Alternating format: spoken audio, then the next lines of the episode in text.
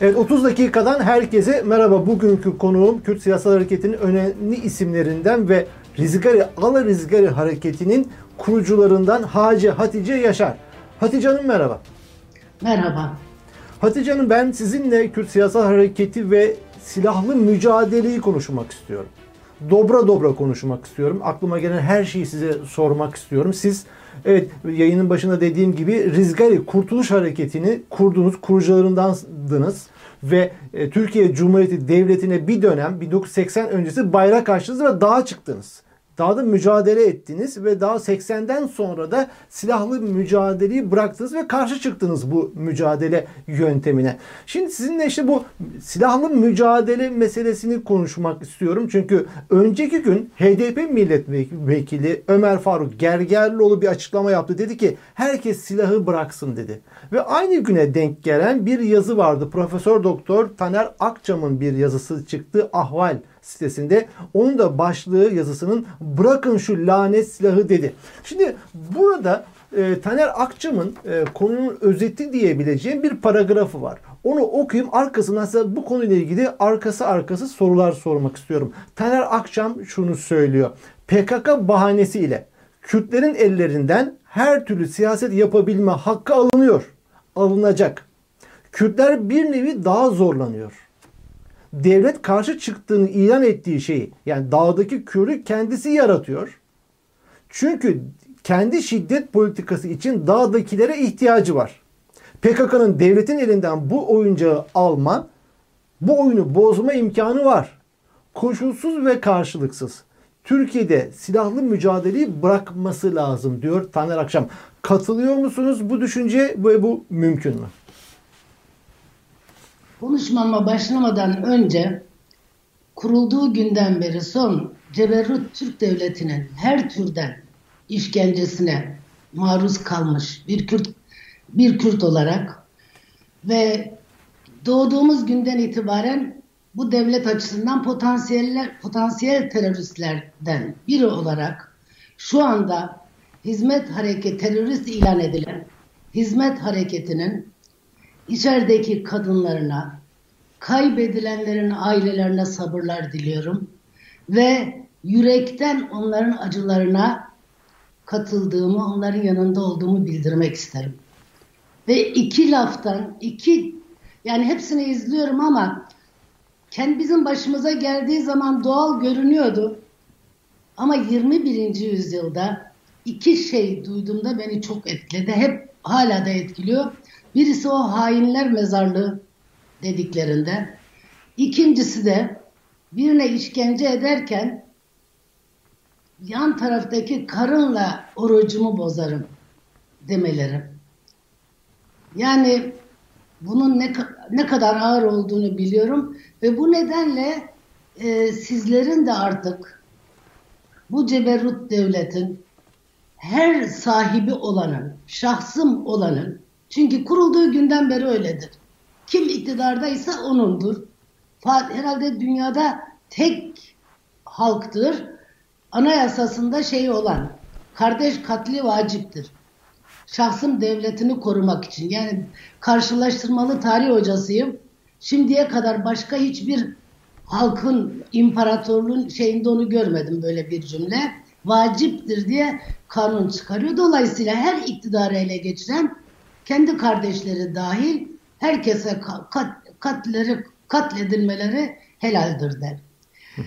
Taner'in yazısın ve sevgili Ömer'in her, herkes bunu sık sık yapıyor. Kürtler de çok yapıyor bu çağrıyı silahlar sussun diye. Ee, çağrılama şeyi yanlış gibi geliyor bana. Tuhaf geliyor. Hedef yani kim o çağrı kime yapılmalı? Kime o yapılmalı? çağrı bir küçücük anekdotla başlayayım. Yani e, eğer PKK olmasaydı da Türk, Arap, Fars devletleri kendi iktidarlarını, kendi halklarını her türlü zorbalığa e, itaate zorlamak için devşirme bir PKK de kurabilirlerdi. Çünkü halkların içinde şey yok maalesef. Bu üç komşumuzda ya biz açlıktan ölüyoruz niye ikide bir silah alıyorsunuz diyen bir hareket yok. Yani mesela Türklerden bir sart çıkmadı hala. Yani çağrı yapılırken bakıyorum şeylere de yapılıyor. Yani kurbanlara çağrı yapılıyor. Halbuki e, bu çağrının muhatabı Türk devletidir. Selahattin sadece demokrasi istiyor ve zavallı kaç yıldır hapiste her gün de yemin ediyor ben sadece yani HDP'nin programına bir bakın. Hatice Hanım buradaki HDP'yi konuşmuyoruz. Burada ha, Hayır, yani Taner Akçam'ın buradaki yazısından hareketle PKK'ya artık lanet olası bu silahı bırak çağrısı var. Ve bu silah ve adeta şunu ifade ediyor. Kandil Türk milliyetçiliğini besliyor. Oradaki varlığı besliyor diyor. Doğru. Siz buna katılıyor musunuz, katılmıyor musunuz? Tabii ki o nedenle ben bıraktım. Ben dağı savunanlardan biriyim. Ben dağı savunduğum için dağa çıktım. Yani benim 40 yıldır dağ Kürtlerin mezarıdır artık. Yani yüzlerce yıl Kürtleri koruyan dağlar barbar akımlarından uçaklar çıktıktan sonra artık Kürtlerin mezarıdır. İkincisi de dağdaki bizim elimize tutuşturulan uydos güçlerimiz tarafından tutuşturulan o Kleşinkov dünyadaki silah tüccarlarını zenginleştiriyor. Çünkü ne tür Türkler, Araplar, Farslar açlıktan da ölseler Kürt bahanesiyle habire silah alıyorlar. Dolayısıyla ve şeyi içlerindeki yoksulları öldürtüyorlar. Türkler gizli işsizliğe de çare buldular. Yolluyorlar fakir fukaranın çocuğunu. Onları katlettiriyorlar. Yani dağda Kürtlerin silahla işinin olmaması gerekir. Ben bunu 40 yıldır söylüyorum. Burada Ama, bir parantez açıp bir şey sorayım mı? Bir parantez sözünüzü unutmayın. Peki siz belki ilk dağa çıkanlardansınız 80 öncesi. İlk dağa çıkanım, evet. Yani, e, yani oradaki genç kız halinizle. Yani dağa çıktınız ve bir örgütün önde gelen isimleri ve kurucusu oldunuz Şimdi 80'den önce bunu savunurken 80'den sonra bunu artık savunmuyorsunuz. Net silahla efendim? 6 ay sonra. 6 ay sonra. Yanlış dedim. Peki. Kendi görüşlerim yanlış dedim.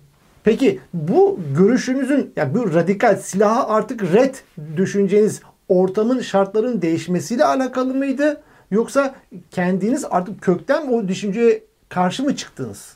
Artık artık silahın o dönem yeri vardı. Artık 80'den sonra yeri yok mantığıyla hareket ederme siz dağa ve silaha karşı oldunuz. Bana göre zaten benden önce de Kürtler bunu söylemiş. Dersim'de ilk uçaklar yani Kürdistan, Osmanlı Kürdistan işgalini hiç tamamlamamıştır. 25-38 arası Kürdistan işgali tamamlandığında şey, Dersim'de ilk uçak saldırılarından sonra Sley Mirza diye bir askeri çok yiğit bir komutan vardır oturur. Millet sorar niye? Der ki dağların kilidini kaybettik. Uçak geldiği zaman kılıç kalkanlarla dağlar Kürtleri koruyordu. Ama uçaklardan sonra kuruluyor. Aynı dönemde çünkü bütün Kürdistan yani ben Kürdistan derken tek parça olarak alıyorum. Çünkü Kürt halkı o sınırları hiç tanımadı. Ben kendim hepsini yürüyerek geçmişim.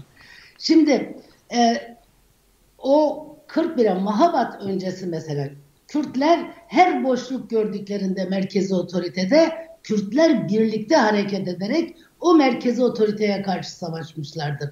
Ve asla Kürtler sadece Türkler, Araplar, Farslarla karşı karşıya gelmemişler. Bizim karşımızda sürekli Kissinger'ın deyimiyle dünyanın sahipleri bulunmuştur. Düşün ilk kimyasal silah İngilizler Kürtlere karşı Süleymaniye'de kullanır ve mutlaka hala şeydir Kürtler İngiliz ajanı hem de kimyasal kullanılan Kürtler.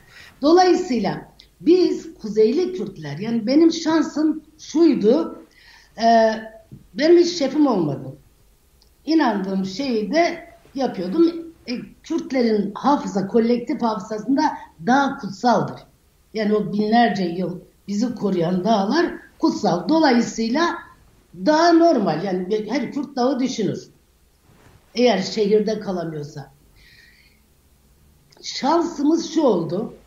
Doğu Kürdistan'ın doğusu özgürleşti. Şah gittikten sonra. Ve üç parçanın Kürtleri yani Güney, Doğu ve biz, şimdi yoksa biz daha erken başlayacaktık. Ee, Doğu Kürdistan diğer iki parçayla görüştük ve kuzeyde bilmediğimiz bilgileri ben hep şey derim. Kürdistan benim üniversitemdir. Çünkü kuzeyde biz tarihimizden koparılmıştık. Yani bilmiyorduk. Herkes lokal Kürdistan'la ilgili bilgi sahibiydi. Özellikle alfabenin değişmesiyle güney ve doğudaki şeyi de bilmiyorduk biz. Hı. Hareketi de. Ya Hatice Hanım konudan yavaş yavaş uzaklaşıyoruz gibi geldi. Bunlar da önemli konular ama yani benim özellikle merak ettiğim üzerinde yani sormak istediğim bugünkü programın konusu yani siz silahlı mücadele bugün karşısınız. Yıllardan beri karşısınız. Bunun sebebi silah teknolojisindeki gelişmeler, uçağın varlığı mı? Hayır, sebebiyle mi? Hayır hayır bir tek o değil. İlk dostlarımız bir. Kürtler Mahabat'a kadar 41'e kadar hep Kürt'ü tek örgüt vardır. Bütün Kürtler yani. Ama Sovyet dostlarımız, ilk dostlarımız devreye girdiğinde Kürtlere bu parçalarda örgütlenmeyi önerir ve bir daha silah yolu gösterilir. Biz dört tarafı Kürtlerin bugünkü statüsünden çıkarı olan devletlerle çevriliyiz. Dolayısıyla mesela ilk çıkışım şuydu. Diyordum ki Kürdistan'da kurtarılmış bölgeye dayalı savaş yanlıştır çünkü meşhur lafımdır. Diş macunu içinde bu sömürgeci devletlerden birine mecbur kalacağız. E bu sömürgeci devletler de yani düşün Türkiye'den yardım alacağım Saddam'a karşı savaşacağım. Türkiye e, Türk devleti kendi Kürtlerine bile saygı göstermiyor. İran Kürtleri her gün idam ediyor. Irak ama bizde özellikle Kuzeylilere çünkü Güneylilerle diğer parçadakiler biraz daha tarihi biliyorlar. Biz eğer kazara başlasaydık şu anda normal ben ölürdüm ama benim arkadaşım İmralı'da olacaktı. Çünkü küçük bir şey anlatayım anı. Taliban ile ilk karşılaşmamız tabii ben onu küçük burjuva milliyetçi buluyorum. Biz komünistiz işte bütün Kürdistan'ı kurtaracağız. Filistinliler de oturmuştu. Bana dedi ki bir de Kürtler kadın devrimciye çok mutlu oluyorlar. Ee, dedi ki kaca tezlerimi anlattım. İşte siz Barzani kötüydü, siz emperyalizmle anlaştınız şu. İşte İran'la ilişki kurdunuz. Peki dedi sen silahlı mücadeleyi savunuyor musun? Evet dedim. Kurtarılmış bölgeyi? Evet. Dedi peki nereden silah alacaksınız? Yaralılarınızı nereye göndereceksiniz? Yani tabii şey, halkımız banka soyuyoruz yani tamam banka soyarak biter. Mancelal şey dedi. Bunlar şahit olsun dedi. Sen 6 ay dağda kal. Ve bu dört devletten biriyle ilişki kurma. Ben aynı gün alırız derece olacağım dedi. Dolayısıyla o 6 ay dağdaki ilk örnekte şeyi öğrendim. Ya gördüm bir de görüyorsun zaten. Eski peşmergelerle berabersin. Bütün örgütler beraberdik o sırada. Barzani'nin 140 bin peşmergesi vardı. İran'la Irak, Cezayir'de anlaştılar. Ertesi gün bitti. Kleşinkov sopaya döner. Çünkü bir tarafta devlet silahı var ve devlet meşrulaştırılmış terördür. Sen de uydurup Kleşinkov var. Ve şeyi anlatmıştı Taliban'ı. Şey önemli. Niye dağda PKK o çağrıyı yapmamızın pratikte anlamı yoktur anlatmak için küçük bir örnek vereyim. 74'te İran-Irak anlaşmadan önce Kürdistan'da şehirler kurtarılmış, üniversite hocaları Kaladize'ye gelmiş, Kürdistan özgür. Primikov, Rusça bilen arkadaşlarınız anılarını okuyabilir bölgenin Sovyet komiseridir. Mamcelal o sırada Kürdistan devriminin şeyi, Beyrut'taki temsilcisi. Üç ay önce Ocak'ta geliyor. Diyor ki İran'la Irak anlaşacak. Barzani devam edemez çünkü katliamın enfal olacak gene.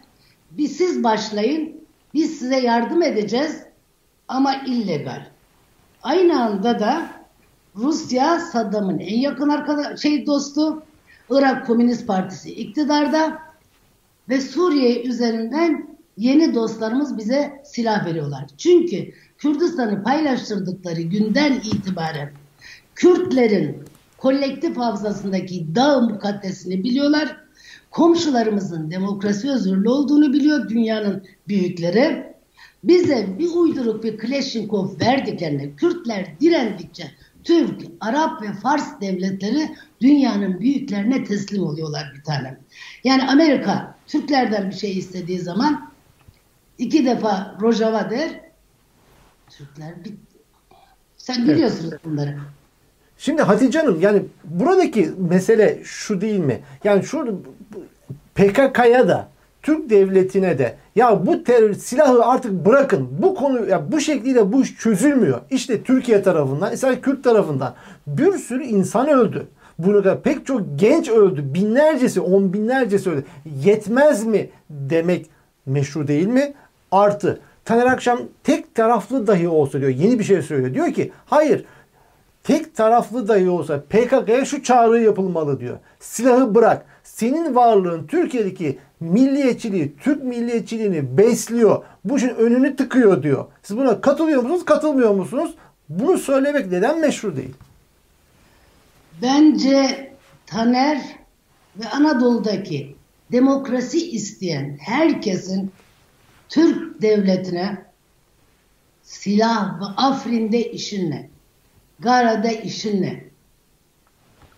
demesi gerekiyor. Onu söyledikleri zaman çünkü bu denmediği müddetçe ya Türk devleti şu anda haydut devlet durumunda zeytin çalıyor ya. Afrin'den zeytin hiç karşı çıkan kimseyi gördün ben görmedim. Ne işin var? Yani ne, neye benziyor bu biliyor musun? Müsebbip. Müsebbip Türk devleti. Lojistik desteği veren İran, Irak, Suriye. Niye şeyi adını koymuyoruz mesela? Yani dağdaki insan esirdir dağdaki insan. Ama Türkler yani yani başka çaresi şimdi ben Güneydoğu'da da epeyce Türkiye'deyken gezdim, dinledim. Yani insanlar her evde yani pek çok acı var.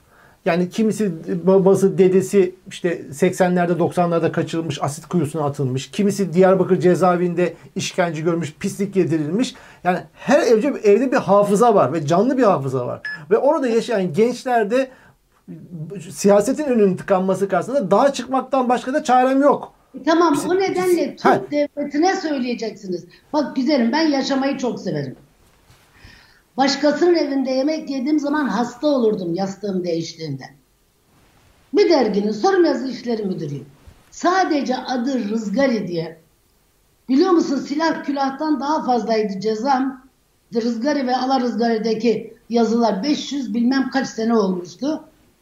Şimdi sana normalde kendin gibi davranma, kendi olma hakkını verilmediği zaman dağın dışında bir şey sunmuyor ki imkan. Şu anda ben orada olsaydım şu anda Erdoğan, Kılıçdaroğlu'su ya İmamoğlu yeni parlayan yıldız. Topal Osman nasıl öldürüldüğünü bilmiyor mu? Topal Osman'ın torunuyum diyor ya adam. Şimdi dolayısıyla bu adamlar dinledikten sonra ben şu anda 18 yaşında olsa 20 üniversitede olsam daha gidecektim. Bizim Kürtlere 40 yıldır benim Kürt gençlerine söylediğim şu. Dağ bizim mezarımız. Silah bizim düşmanımız. Sivil itaatsizlik eylemleri yapalım. Ama bunu ne Türk devleti istiyor, ne İran devleti istiyor, ne Irak'taki adamlar istiyor, ne de hafız istiyor. Mutlaka o da yani bizim nasıl Türklerin bazı konularında kolektif hafız kendisine Türk'üm diyenler. Erdoğan çok hoş söyledi o mankurt. Çünkü tarihsizler mankurt oluyor artık. Devlet de mukaddes. Allah devlete zeval vermesin. Biz tam tersini söyleriz. Allah devlete zeval versin. Hizmetimde olsun benim. Şimdi bu durumda şeyi hesaplamadığımız zaman yani ana müsebbibi sorgulamadığımız zaman PKK silah bıraksa yarın ertesi gün başka bir PKK yaratırlar. Çünkü bizim yani biz Kürtler olarak kardeşim dağ bizim mezarımız. Türklerin de yahut kendisine Türk'üm diyen Anadolu'dakilerin de yeter kardeşim bu Kürtler imhayla bitmiyor. Bu Kürtler bak bize kendilerini öldürtüyorlar. Kaç yıldır hapiste Kürtler Selahattin Türk kendisine Türk'üm diyenlere demokrasi taşımak için. O nedenle yani Taner de şeye benzettim Taner'i onu kendisine de söyledim. Bu CHP'liler şey der ya e, benim annem de yani artık başörtü yasağı kalktıktan sonra şey der hepsi konuşurken benim annem de başörtülü. Halbuki bir tanesi de kalksın desin ki annem başörtüsüz ama ben milletin kılığına, kıyafetine, devletin karış, karışmasına karşıyım desin. Bunu bekleyelim. Yani benim Anadolu'nun Anadolu'dan Türkiye lafını çok sevmiyorum. Bölücü bir laf. Irkçı bir laf daha doğrusu. Ee, Anadolu'daki demokrasi isteyen insanların pamuklara sarması gerekiyor şeyi, HDP'yi, HDP Kürtleri. Çünkü demokrasi için, demokrasiden bahsediyorlar. Bizim için yani Kürtler için çok özel bir talepleri yok. Mesela eğer bana sorarsa şimdi HDP ya da PKK, Kürtler açısından bölücü.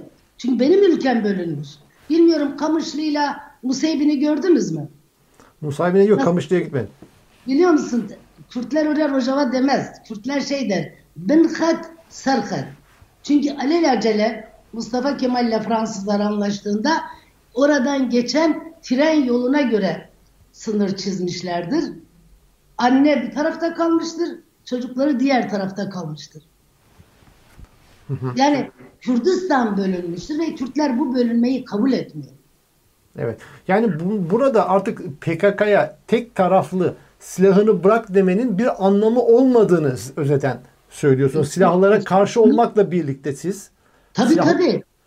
Hayır siz biliyorsunuz. Sizin arkadaşlarınız onu yayınladılar. En son Efkan Alan bilmem birileri konuşurken. Bir şey olmaz. Kuzey Irak'ta yaptığımız gibi gideriz sınırın öbür tarafından iki füze patlatırız. E bunu bu yayınlandı Türkiye'de. Emir Peki eğer ki Türkiye'deki yani de, Türkiye'deki devlet eğer PKK olmasa yeni bir PKK ortaya çıkarır dediniz. Kesin. Dört Peki, devlet. O zaman çıkarır ise şu anda PKK'nın varlığı Türkiye Cumhuriyeti Devleti'nin yani ırkçı anlamda faşizm mantığı açısından bu devleti o düşünceyi besliyorsa PKK'nın şu anki varlığı o zaman karşılıklı bir ihtiyaç ilişkisi gibi duruyor o zaman. Aynen öyle. Yani buradan zarar eden de PKK Kürt halkı zarar ediyor. Buna rağmen tek taraflı silahını bırak denemez diyorsunuz. Öyle ya, mi? Ben söyleyeyim onu. Ben Taner söylemese oturup şey, şeye benziyor. Şimdi bu kurban. Taner çünkü 50 yıldır arkadaşız biz. En fazla konuştuklarımdan. Taner, Taner Akçam, Profesör Doktor Taner Akçam izleyiciler. Profesör Doktor Akçam. Tamam. Yok bilinmesi ee, açısından yok. Şu anda yayının başını takip edememişler olan olabilir. Konunun Taner Akçam'ın Ahval'deki yazısı üzerine bunları konuşuyoruz. Evet. Şimdi şeyi söylemek gerekiyor. Şimdi diyoruz ki bunlar kurban. Bunlar yaratılır.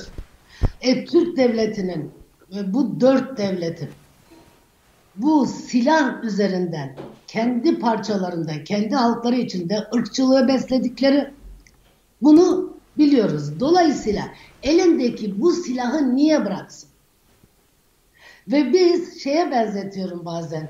Yani Naziler dururken oturup bazen bu Nazi kam yani teşbihte hata olmaz diyeyim de o genç genç insanlara ama Nazi subayları dururken kaporallarla uğraşmak gibi geliyor bana. Esas müsebbipten dağdaki insan ben yani ben kendim de olsaydım aynısı olacak. Dağdaki insan esirdir. Lojistik, o destek nereden geliyorsa mesela şey denir ya e, bir, bir kesim var. Gitsin millet işte Barzani beslemesin, gitsin çıkarsın onları kandilden. Türkçe güzel bir laf var. Ne sayı saymayı biliyorlar ne dayak yiyorlar. Kandil'de İran lojistik desteğin varsa var ya 10 kişi de olsan Allah da seni çıkaramaz. E, lojistik destek niye hiç Erdoğan'ın şeye bas laf ettiğini duydun mu İran devletine? Suriye devletine? Hiç laf ettiklerini duydun. Irak'a hiç laf ediyor mu? Güneyden geldiler. Evet. Yani, yani o zaman yayın, evet yani o zaman yayınımızın sonuna doğru geliyoruz Hatice Yaşar. Yani şu anda PKK'nın evet siz PKK'ya karşısınız. Silahlı mücadeleye karşısınız. Dağlar Kürtler için mezar anlamına geliyor. Ama şartlar düzelmediği sürece de mevcut şartlar düzelmediği sürece PKK'nın silah bırakmasının anlamı yok. Mantığı yok konusunda orada duruyorsunuz. Bir çar bir şey söyleyeyim. PKK'ya karşıyım lafını sevmiyorum. Çünkü orada bir sürü 18 yaşındaki kace var. Yani şey üniversiteden geliyor bu çocuklar ve Özgür Kürdistan için, demokrasi için geliyorlar. O nedenle yani benim karşıtlığım, ben müsebbiplere karşıyım ve Kürtlere de, Kürt gençlerine, PKK'de Cemil Bay'a biliyorlar zaten onlar benim gibi. Benim kadar en azından biliyorlar. Daha da 6 ay kaldıktan sonra bilir onlar. Lütfen Anadolu'da yaşayan yani torunlarınız için eğer demokratik bir ülkede torunlarımız, torunlarınızın büyümesini istiyorsanız şu devlet mukaddestir tezinden vazgeçin. O barbar, talancı, ecdatla övünmekten vazgeçin. Hiçbir sömürge bir imparatorluğun şeyini gördünüz mü 21. yüzyılda ben şeyle övünüyorum diyen talanlarımla. Ve ve çok önemli sizin için bizim için değil. Kürtler bir biçimde kendini sağaltıyor Kürtler bir biçimde. Ama bu hastalar nereye gelecekler? Yani Kürdistan'da ölen kadının memesini kesen, kafaları kesen, kulakları bu adamlar nereye gelecek? Size gelecekler. Hala Fransa'da Cezayir'deki işkenceciler terapi görür. Vietnam'da savaşanlar terapi görür. Yani bu mafya, bu topal Osmanlılar yarın Anadolu'nun batısına gelecek. Geç olmadan geç olmadan HDP HDP'nin programına sarılmak gerekiyor ve gerçekten onları pamuklulara sarmak gerekiyor. Ya Topal Osmanlılar batıya Anadolu'nun batısına çoktan geldiler hacı hanım. Hayır biliyorum daha gösterilmiyor. Daha gösterilmiyor. Daha Çünkü gösterilmiyor. beyaz toroslar eskiden sadece Doğu ve Güneydoğu'da dolanırken şimdi Ankara'nın göbeğinde de İstanbul'da hem da dolanabiliyor. De, hem de kime? Düşün kardeş katli vacip ya. Dolayısıyla hem de dil ve din kardeşlerine de aynısını evet. yapıyor. Evet. Ee, evet Hatice'nin programımızın sonuna gelmiş olduk. Ben özgürce sorularımı sordum. Size özgürce cevaplarınızı verdiniz. Yanıma katıldığınız için teşekkür ediyorum. Ben de çok teşekkür ediyorum ve hepimize kolay gelsin diyorum. Sağ olun.